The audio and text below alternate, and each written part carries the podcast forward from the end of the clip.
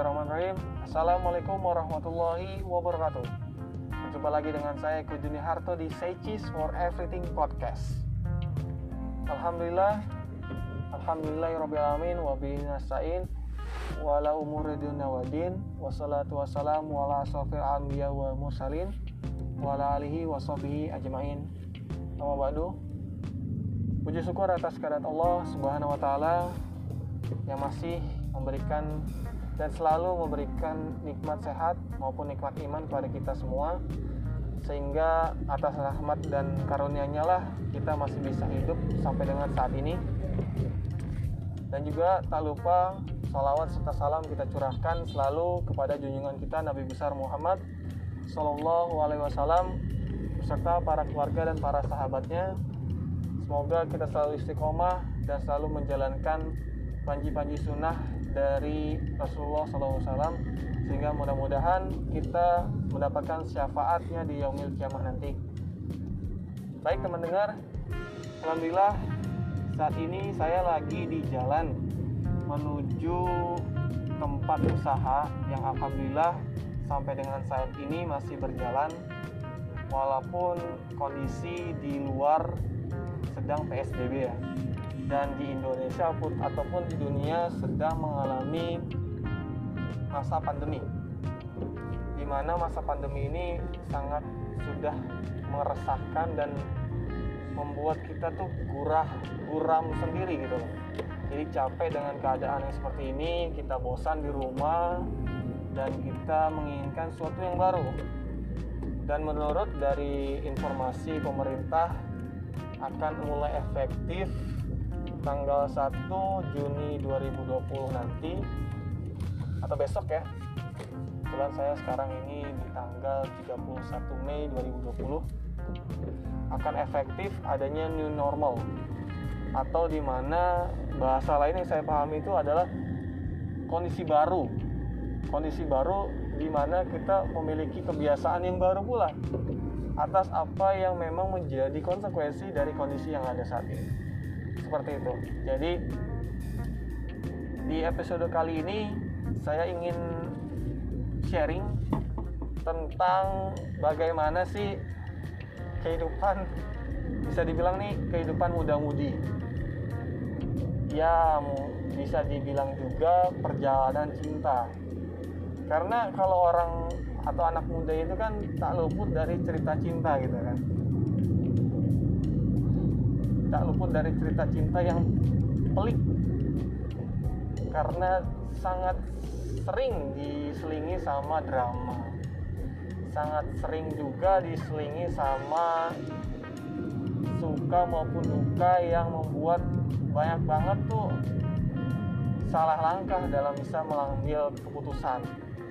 Dan saya di sini nggak mau nih teman-teman yang yang berada di luar sana itu mengalami hal yang saya dapat kisahnya ini.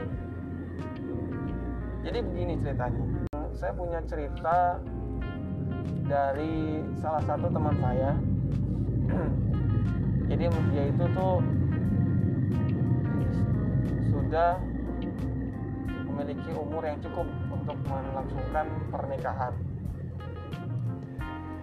Namun di satu sisi dia juga lagi uh, difokuskan untuk bisa membantu kehidupan perekonomian keluarganya.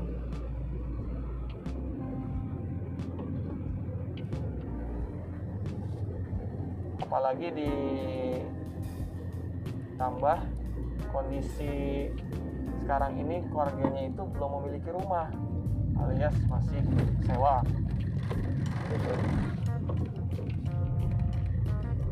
mohon maaf ya teman dengar nih kalau memang suaranya agak-agak kurang nyaman didengar sekali ya. Karena kondisi memang lagi di jalan banget nih.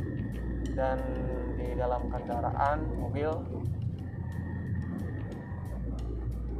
jalanan juga kita nggak tahu. Kadang ada yang bagus ada yang kurang bagus gitu ya. Jadi agak sedikit mengganggu pendengaran teman-teman tapi mudah-mudahan jelas penyampaian atau pelafalan yang saya ucapkan tujuan saya untuk sharing seperti ini adalah untuk memberikan gambaran kepada teman-teman yang masih muda-mudi ataupun yang memang dalam pencarian jati diri dan pencarian jodoh. Jangan sampai nanti mengalami hal yang seperti yang saya akan ceritakan ini. Karena yang saya dengar dan saya pahami, hidup itu adalah pilihan. Life is choice. Dari setiap pilihan pasti ada konsekuensinya dan dari setiap pilihan yang kita ambil itu pasti dimintakan pertanggungjawabannya apalagi kita hidup beragama hidup memiliki iman dan kita tahu mana yang harus kita pilih dan memang mana yang menjadi takdir kita. Gitu. Kalau mau tahu lebih jelasnya tentang life is choice gue masih mau saya mau ngasih sedikit bocoran nih ke teman-teman dengar di luar sana. Bisa denger Ustadz Felix Yao di YouTube-nya maupun di podcast podcastnya atau bisa baca bukunya di dengan judul buku tuh Beyond the Inspiration Life is Choice bagus banget bagus banget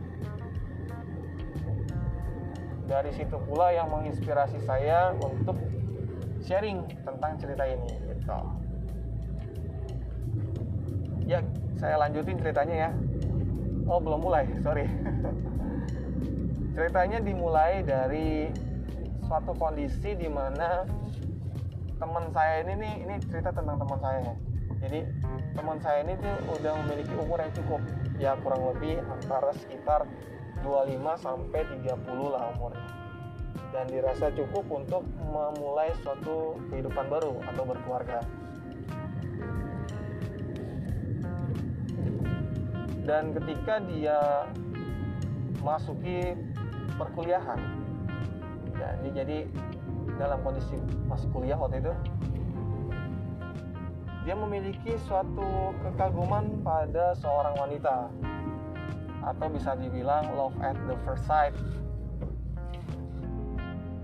Kepada seseorang yang dianggapnya itu memasuki kriteria yang dia inginin kayaknya dia banget gitu loh. Itu cewek kayaknya dia banget levelnya. Tuh dan singkat cerita akhirnya dia coba untuk mengenalnya. Dan uniknya cara mengenalnya itu tuh hanya melalui stalking dari grup WA karena dia waktu itu kebetulan satu kelas gitu. Satu kelas sama si ceweknya terus dia cari-cari deh itu karena dia udah tahu pada saat si dosen absen oh pada saat dia ngacung oh nama ini gitu. Akhirnya dia cari di grup WA nomor kontaknya kan ada tuh ya? Nomor kontaknya terus dia lihat oh ini nih namanya nih. Nggak tahu ya nama itu pakai bahasa Arab. Waduh kebetulan banget gitu kan katanya dia. Benar-benar mencerminkan sosok wanita yang dia idamin banget gitu loh. Udah tampilannya syari gitu kan tampilannya feminim terus teduh gitu wajahnya. Kemudian nomor kontaknya pun kayak waduh kayak islami banget gitu kan. Waduh. Apalagi dia dalam kondisi saat itu tuh waktu uh, dalam kondisi untuk hijrah gitu. Kan pandangan orang hijrah mah kalau kata orang-orang beda atuhnya sama pandangan orang-orang yang masih demen pacaran gitu ya. Jadi kalau hijrah itu kan udah kesannya oh udah serius lah nggak mau pacar-pacaran atau main-main lagi gitu ya. Pokoknya udah langsung serius nikah gitu ya bangun keluarga gitu. Gitu jadi wah kayaknya dia banget gitu loh. Tipe dia banget gitu. Akhirnya dia kenal dia chatting duluan dia tanya bla bla bla kayak namanya lah atau akun sosialnya lah. Ada kemudian alamatnya gitu basa-basi dikit oh kenapa naik motor? gitu. Terus mau nggak diajak pulang bareng gitu. Dan saat itu namanya cewek kan pasti punya protektif banget gitu misalnya terhadap cowok kayaknya yang baru dikenal kayak nggak mau banget uh, langsung dekat gitu. Maunya kayak jaga jarak lah nggak mau dianggap gak mau dianggap gampangan gitu ya gampang banget. Karena kan bisa dilihat dari tampilannya gue kan syari gitu. Nah si cowok ini nih uh, teman gue ini teman saya ini nih dia tuh kayaknya obsesi sama dia nih. Nah ketika sudah lama kenal dan ngobrol juga sempat kayaknya bener-bener nih kayak si cowok ini yakin kalau si ceweknya ini tuh emang bener-bener udah klik di hati dia gitu. Dan dia pengen jadiin cewek ini tuh jadi jodohnya dia alias dia mau nikahin gitu. Singkat cerita karena dia juga suka dalam uh, film apa nonton nonton film gitu. Terus juga suka nonton YouTube gitu kan. Terus akhirnya dia dia nonton nontonin YouTube tentang cara-cara melamar gitu.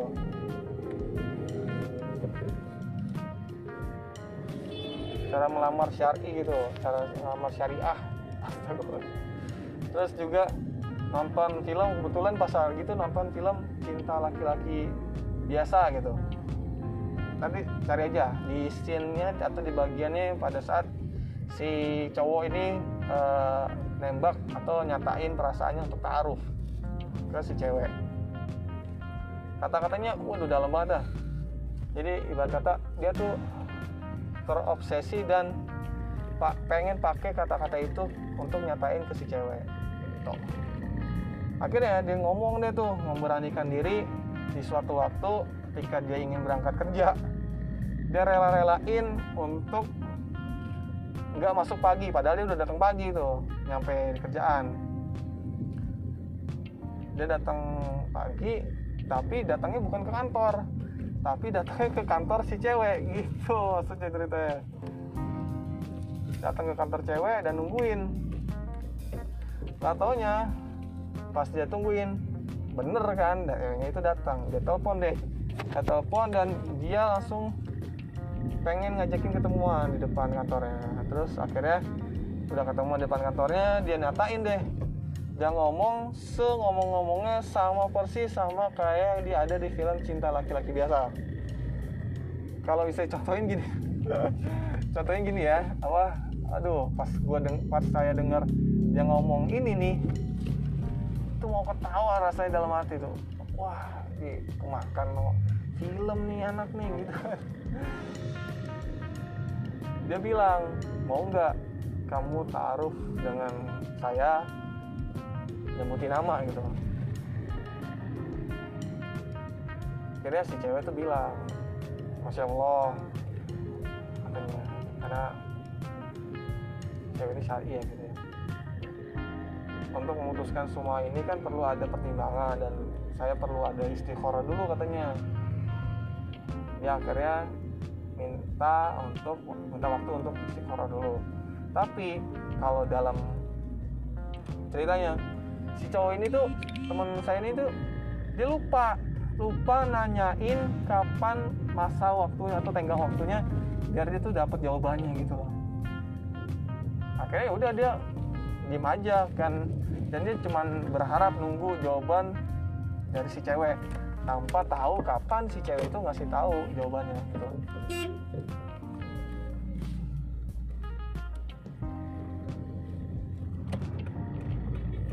Nah terus si cowoknya ya udah tuh harap-harap cemas dia. Cuman berharap dan mengandalkan doa kepada Allah subhanahu wa taala. Udah dah kayaknya sih bucin banget nih cowok. Allah Akbar jangan sampai ya tipsnya nih kalau udah yakin sama satu sosok pria ataupun wanita bagi akhwat atau ikhwan jangan sampai cengeng lah. Apalagi cowok gitu kan apalagi ikhwan cengeng ya Allah jangan sampai deh. Mendingan kita tuh ikhtiar dan doa banyakin kalau memang bukan dia itu pasti Allah akan nunjukin jalannya. Banyakin doa aja yang doa istiqoroh aja. Allahumma astaghfiruka bi Allahumma astaghfiruka bi ilmika wa astaqdiruka bi kudratika gitu. kita minta sama Allah yang maha mengetahui hal-hal yang gaib lanjut ke ceritanya jadi dia masih ngarep nih. Nah ketika beberapa lama kayaknya udah lama banget kayak nggak dijawab akhirnya si cowok ini teman saya ini gerah juga kan akhirnya. Wah gimana nih? Gimana caranya buat bisa tahu nih jawabannya dari ini? Akhirnya dia penasaran kan. Dia nggak mau lagi ngatain kalau minta taruh tapi mintanya langsung nikah. Gitu dia langsung niat nih melamar. Kayak udah bulat banget kayak setelah istiqoroh dia bulat banget gitu ini untuk yang kedua kalinya dia minta sama ceweknya itu tapi bukan ngomong langsung. Karena kondisinya waktu itu dia di kelas. Dan ngomongnya lewat tulisan. Tulisan pakai buku catatannya dia. Buku catatannya dia dia tulis kata-kata dia serius untuk menikahi si cewek itu. Dan bukunya itu ditaruh di bu, mejanya si cewek gitu kan. Panjang ceritanya dia akhirnya chatting juga ke si cewek. Kalau dia naruh buku dan ada catatan di situ yang ingin si cewek itu baca. Kira si cewek itu baca kemudian si cewek itu membalas. Dan dikasihlah buku itu ke si cowoknya ke teman saya itu. Eh nggak taunya di tulisan itu sama aja. Si ceweknya ini masih dalam kondisi yang belum ada perasaan yang sama. Kayak si cowoknya perasaannya ke si cewek. Istilahnya masih bertepuk sebelah tangan gitu. Masya Allah ada gitu ya cerita kayak gitu ya. Hidup hidup. Itu perjuangan banget emang. Terus kata-katanya gini kalau si cewek ini tuh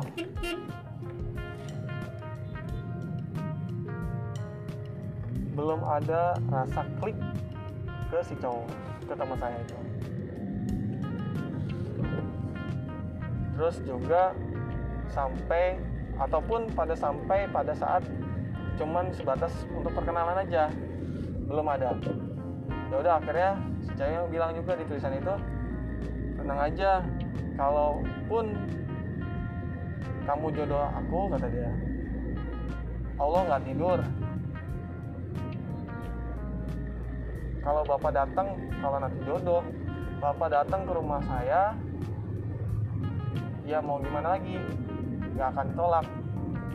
Kalau udah jodoh gitu. Karena Allah nggak tidur gitu katanya Masya Allah. Tulisannya sih bagus. Cuman si cowok ini tuh kayaknya belum nyadar.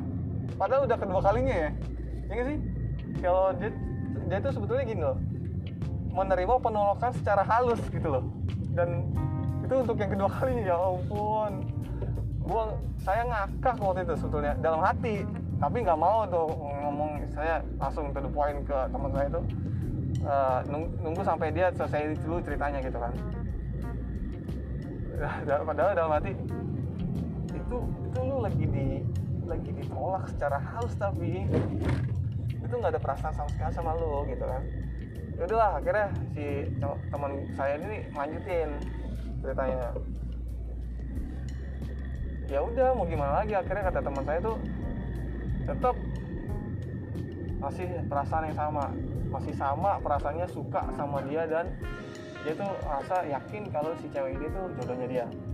Ini kalau saya pernah dengar dari YouTube juga ini antara cinta sama ngarap tuh beda-beda tipis sebetulnya dan ini tuh teman saya tuh masuk ke dalam kriteria yang mana nih kalau menurut kalau menurut antum?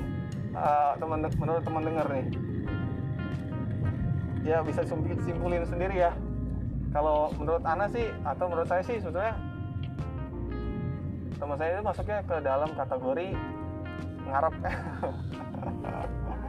Masya Allah ngarep. Apaan ya kalau sambil ketawa nih uh, terus juga gini selanjutnya. Karena masih dalam kondisi yang misalnya mengharapkan si cewek itu merespon cintanya akhirnya ya udahlah dia terus berdoa ikhtiar uh, chattingan tetap terus tapi nggak mau ada permusuhan gitu kan. Minta sama Allah terus dan dia sering banget dengerin di YouTube ataupun ceramah-ceramah kalau apakah boleh uh, minta atau sebutin nama nama Fulan untuk memintanya sebagai jodohnya dia. Dan kata si kata Ustadz para Ustadz atau ulama yang didengar di ceramahnya itu diperbolehkan. Ya langsung lah bergegas ketika memang dia itu ikhtiar. Akhirnya emang sih ada sisi positifnya. Jadi si cowok ini teman saya ini jadi lebih taat atau lebih meningkatkan ibadahnya gitu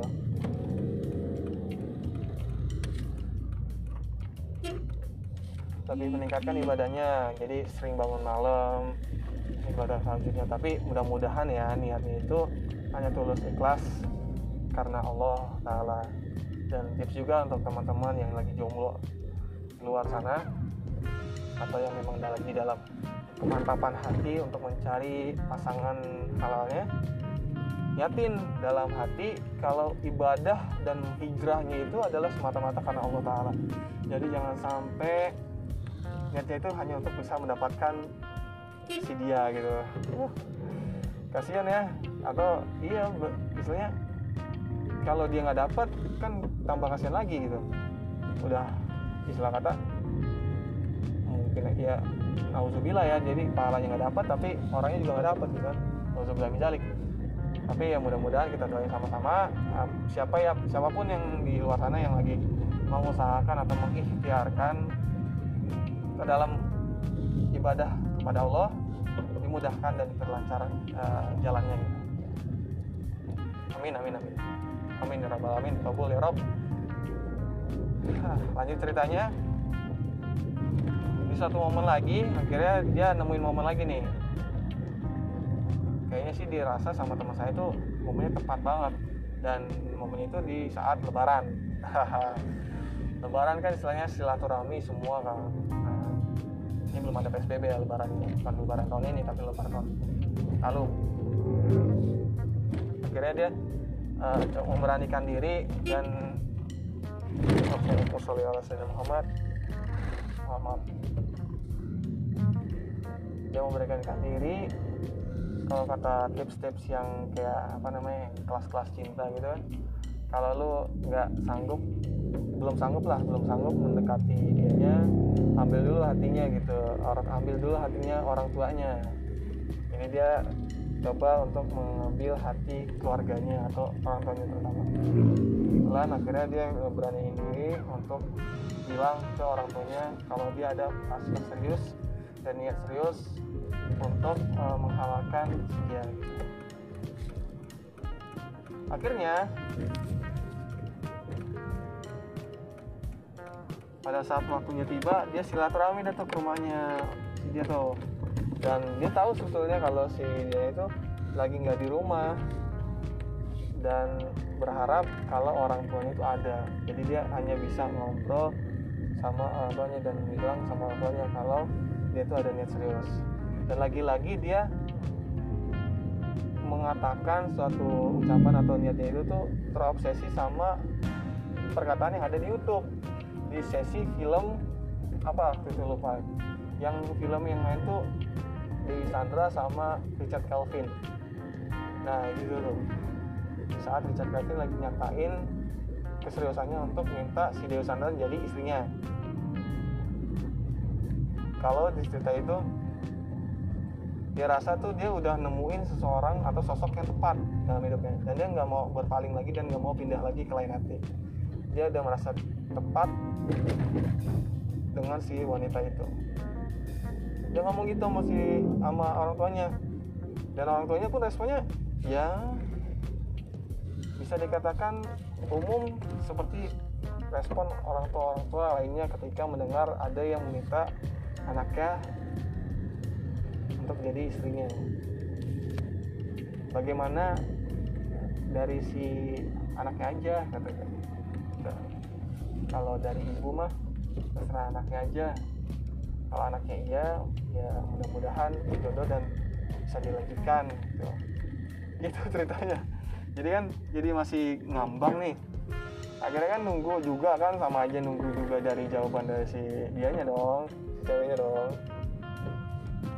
Ya udah deh akhirnya mau gimana lagi? Ceweknya nggak ada. Cewek lagi pergi ya cuma berharap lagi-lagi cuma berharap dan ber, bisa berdoa aja tanpa tahu kapan dia dapat jawaban yang pasti dari si cewek ini. Masya Allah. Ini salah satu contoh ikhtiar yang gigih ya. Jadi kalau memang itu pernah dengar juga nih saya nih. Kalau laki-laki kita sebagai laki-laki sudah menemukan sosok yang tepat dalam hidupnya untuk bisa menjadi menjadikan pendampingnya dia akan ikhtiar sekuat tenaga untuk bisa menghalalkan itu. Jadi teguh keyakinannya dan ikhtiarnya ya kayak gitu juga akhirnya dia ngelakuin nih si teman saya tuh ngelakuin itu sama akhirnya dia berdoa terus dan akhirnya ketika suatu uh, waktu dan waktunya itu adalah untuk ma masuk kuliah ya. Udah waktunya masuk kuliah lagi dan ketemu itu si sama saya itu nggak ngobrol nggak ngomong nggak nyapa. Belum nyapa lah belum nyapa si ceweknya. Akhirnya keregetan juga kan si cowoknya ini nih. Akhirnya pas udah pulang waktunya pulang dia chatting nih WA si ceweknya nanyain uh, minta waktunya gitu. Ada waktu nggak? Sebentar. Bisa ketemuan nggak kita di mana gitu? Tempat yang ramean lah. Biar uh, aku ada sesuatu yang mau diomong. Terus si ceweknya respon gini akhirnya. Ceweknya respon. Responnya iya boleh. Aku juga lagi ada yang mau aku bicarain sama kamu.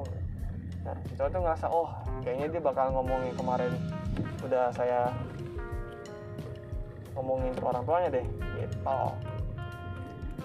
Oke bener deh kan? Ketika si ketemu udah si cowok masih cewek ini ketemuan teman saya mau ceweknya ketemuan. Karena bener kayaknya si ceweknya itu ngomongin tentang yang kemarin dia ngomong ke orang tuanya. Dan jawabannya mau tahu gak kayak gimana? Jawabannya masih sama Bung jawabannya masih sama Bung sama dengan jawaban yang sebelum-sebelumnya. si cewek ini masih belum menemu klik dan dan jawab tambahan jawaban di sini tuh cewek ini tuh masih ada uh, fokus yang lain selain nikah. Karena dia ingin mau melanjutkan S2 setelah lulus dari satu ini kayak gitu. Masya Allah Allah memang maha adil ya mau maha menentukan. Kalau memang belum waktunya dan belum jalannya dan bukan jalannya ya nggak akan ditemukan. Biar bagaimanapun kerasnya kita berdoa kepada dia ya Allah maha tahu mana yang baik mana yang kurang baik untuk kita. Jadi jangan suzon sama Allah. Kita prasangka baik aja. Allah selalu memberikan yang terbaik untuk kita dan selalu memberikan banyak sekali jalan yang terbaik yang bisa kita ambil dan pilih. Allah sangat tahu porsinya untuk kita. Gitu. Dan akhirnya karena jawabannya masih sama oke okay lah kalau begitu. Si teman gue ini teman teman si teman saya ini udah mulai tuh kayak istilahnya ngadar ya. Kalau memang dia tuh ditolak gitu. Tapi sebetulnya dalam hati kecil ya dia tuh masih mengharapkan gitu loh. Bener-bener bucin sih kalau kata saya mah. Tapi ada si sisi baiknya. Sebaiknya tuh dia gigih banget. Cowoknya tuh kalau memang udah katanya klik dan dia merasa dia oke okay, dia akan terus mengusahakan. Tapi yang alhamdulillahnya di sepanjang jalan sampai dengan dia mulai memahami ap, memang apa artinya itu uh, ikhtiar dan doa dia menyadari kalau, kalau wanita itu nggak cuma satu di dunia ini. Dan perlu dicamkan dalam hatinya kalau memang dia tuh hanya menginginkan ridho Allah aja. Dan di setiap doanya pun juga dia sepertinya ada yang keliru. Karena dia sedikit memaksakan kehendaknya dia gitu. Padahal sebetulnya dia doa gini di doa kalau di doa istiqoroh kan pasti di terakhirnya kalau kalau dia itu adalah yang terbaik bagi agamanya dan bagi kehidupannya maka mohon untuk didekatkan gitu kan. Tapi bila tidak baik bila, tapi bila tidak atau kebalikannya maka dia minta untuk dijauhkan gitu kan. Dan diberikan yang terbaik. Nah kesimpulan yang bisa diambil tuh kalau menurut saya tuh ya Allah udah berperan di situ. Allah udah berperan bahwa dia dijauhkan dari hal-hal yang memang belum tentu baik buat dia gitu loh ke depannya untuk agamanya. Karena mungkin aja ya dalam tanda kutip dia berdoa dan meminta sama Allah itu hanya sebatas karena dia tuh menginginkan si cewek ini gitu makanya kayaknya perlu ada yang diperbaiki dalam ibadah. Satu hal yang perlu dicamkan satu hal yang perlu didengar bahwa Allah itu nggak akan mengecewakan setiap hambanya yang berdoa. Dan pasti akan dikabulkan entah itu langsung atau itu di kemudian hari. Ataupun memang dikabulkannya adalah untuk pengganjarannya kepada surganya yang wah kan lebih indah. Di surga kan aduh bukannya manusia lagi tapi bidadari gitu kan? Gitu. Jadi si cowok ini si teman saya ini tetap akhirnya lambat laun ya mulai uh, mengurangi konten-konten atau chatting-chatting dan media sosial terhadap si cewek ini. Akhirnya dia mulai tuh untuk membuka diri lagi untuk mengenal wanita lain. Dan alhamdulillahnya untuk saat-saat ini dia lagi didekat, didekatkan sama seorang sosok wanita yang memiliki visi yang sama dengan dia. Dan mudah-mudahan kita doain sama-sama ya biar teman saya ini tuh istiqomah dan memang menemukan sosok yang tepat untuk di untuk menjadi pendampingnya. Jadi itu ceritanya. Uh, mudah-mudahan masya Allah. Mudah-mudahan uh, cerita yang teman dengar tadi itu bermanfaat pengalamannya. Jadi perlu memang banyak sekali pembelajaran dan yang persiapan yang matang bila kita ingin memutuskan sesuatu hal yang besar. Keputusan yang besar yang berani kita ambil akan menentukan jalan kita ke depannya yang lebih besar juga. Kita berani mengambil keputusan besar maka konsekuensinya akan mendapatkan hal yang besar pula gitu. Dan bila kita nggak berani ya udah kita stuck di situ aja. Dan kita nggak tahu bagaimana uh, rasanya nanti gitu ya. Karena kan hidup ini kan panah ya. Hidup di dunia ini tuh fana kuluman alaiha fan. Semua pasti berlalu gitu. Jadi optimalin uh, apa yang memang menjadi kesempatan kita pilih yang memang kita rasa tepat dan memang sesuai dengan jalan dari Allah sesuai dengan tuntunannya nggak nggak menyalahi kodratnya nggak menyalahi dari uh, ajaran yang sudah di uh, diajarkan oleh Allah Subhanahu wa taala melalui Al-Qur'annya dan Rasulullah melalui hadisnya gitu ya, sunnah-sunnahnya. Mudah-mudahan di uh, akhir di, di bulan Syawal ini kita tetap istiqomah apa yang sudah kita lakukan dan kita jalani di bulan Ramadan kemarin. Nah, sebetulnya gini, bulan Ramadan menjadikan sebagai pembelajaran buat kita untuk di 11 bulan berikutnya itu menjadi mantap. Dan jadi kebiasaan kita untuk beribadah dan taat kepada Allah Subhanahu wa taala. Itu aja dari saya. Saya ucapin sekali lagi selamat hari raya Idul Fitri 1441 Hijriah. Minal aidin wal faizin, taqabbalallahu minna wa minkum. Siamana wa siamakum. Sampai ketemu lagi di episode selanjutnya. Masih bersama saya Eko Juni Harto di Secis for Everything Podcast. Selalu memberikan kisah, cerita, dan motivasi serta ilmu-ilmu yang bisa kalian manfaatkan di kehidupan sehari-hari. Semoga manfaat, semoga bermanfaat dan sampai berjumpa kembali. Wassalamualaikum warahmatullahi wabarakatuh.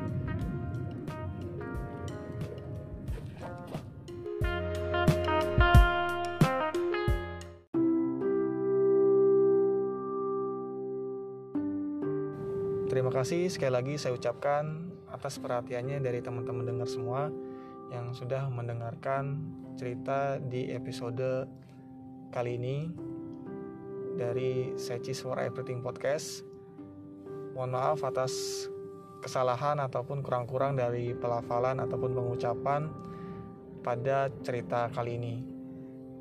Nggak ada maksud apa pun dan maksudnya adalah tujuannya adalah untuk sharing dan uh, sedikit mensiarkan beberapa pemahaman yang saya punya terkait dengan agama dan juga mohon maaf bila memang ada pelafalan tentang ayat-ayat Al-Quran ataupun uh, maksud dari uh, dakwah yang kurang tepat didengar mudah-mudahan ke depannya bisa lebih baik lagi. Mohon saran dan kritiknya yang positif ya jangan kita mencederai ataupun mengganggu ataupun merusak dari karya-karya yang kita atau uh, kita dengar dari teman-teman kita. Karena di situlah letak munculnya adanya ketimpangan sosial ataupun uh, permulaan adanya uh, konflik bila kita memulai sesuatu yang negatif. Mulai semua jangan positif, stay calm and uh, keep spirit untuk uh, selalu menciptakan karya-karya yang lebih baik lagi di ke depannya. Wassalamualaikum warahmatullahi wabarakatuh. Say cheese for everything.